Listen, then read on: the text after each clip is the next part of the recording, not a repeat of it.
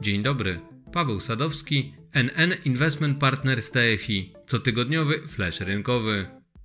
Dzisiejsze nagranie zacznę od przekazania wniosków płynących z comiesięcznego badania w ramach serii Aktualne problemy i wydarzenia, które dotyczyło strategii walki z inflacją i zostało zrealizowane w pierwszej połowie października bieżącego roku przez Centrum Badania Opinii Społecznej. O ile można się domyślać, że Polacy w konfrontacji z inflacją znajdującą się na poziomie najwyższym od 20 lat, po pierwsze, ograniczają wydatki na codzienne zakupy, starając się kupować mniej bądź też szukając tańszych produktów, wskazanie 75% respondentów.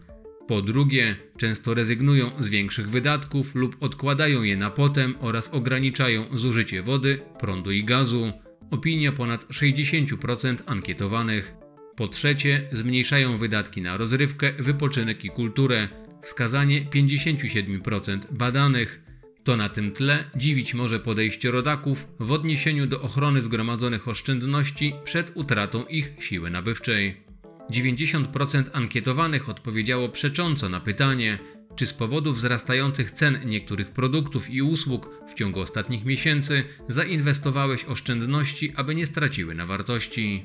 Takie podejście do zgromadzonych nadwyżek finansowych jest tym bardziej zastanawiające, gdy popatrzymy na nie przez pryzmat skali spadku realnych stóp procentowych poniżej zera.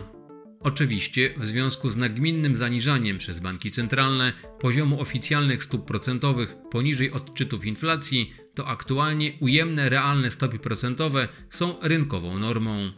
Niestety Polska z wynikiem minus 5,55% przewodzi w tym mało chlubnym rankingu. Nasz kraj wyprzedza zdecydowanie tylko Argentyna, gdzie inflacja przekracza poziom 50% rok do roku. To, co dodatkowo może niepokoić krajowych posiadaczy oszczędności, to kondycja złotówki. Choć w teorii po serii podwyżek stóp procentowych nasza waluta powinna się umacniać, to w praktyce na przestrzeni ostatnich tygodni złoty kontynuuje trend osłabiania się do większości głównych walut. Ta słabość jest szczególnie widoczna w relacji do amerykańskiego dolara. W ostatnim czasie bodźcem do umocnienia się tej głównej waluty rezerwowej świata był najwyższy od 30 lat odczyt inflacji w Stanach Zjednoczonych. A to przełożyło się na oczekiwania inwestorów, że rezerwa federalna będzie musiała w bardziej zdecydowany sposób normalizować politykę pieniężną. Przy tej okazji warto zwrócić również uwagę na to, że aprecjacja dolara nie miała negatywnego przełożenia na cenę złota denominowanego w tej walucie, która w ostatnim czasie wyraźnie pokonała ważny poziom 1830 dolarów za uncję.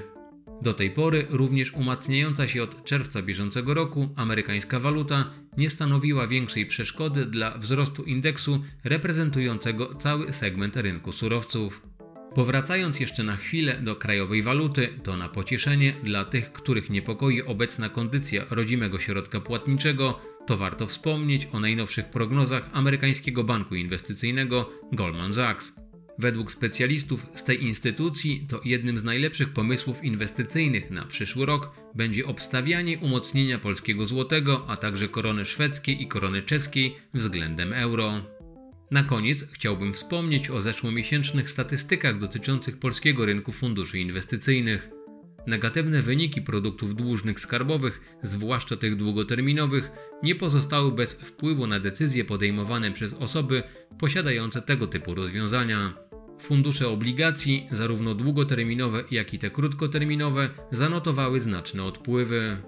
Niezależnie od tego, że produkty skarbowe NN Investment Partners TFI wyróżniają się pozytywnie osiąganymi wynikami na tle stóp zwrotu generowanych przez konkurencyjne rozwiązania, to wspomniany nieprzychylny sentyment do tej kategorii funduszy został odwzorowany również w aktywach naszych produktów dłużnych. Z tego grona napływy zanotował jedynie NN Obligacji Plus. Największą popularnością wśród klientów, pomijając dużą wypłatę z funduszu przeznaczonego na potrzeby grupy jednego z TFI, cieszyła się w październiku grupa funduszy mieszanych. Z naszej oferty najwięcej środków popłynęło do subfunduszu NN stabilnego wzrostu.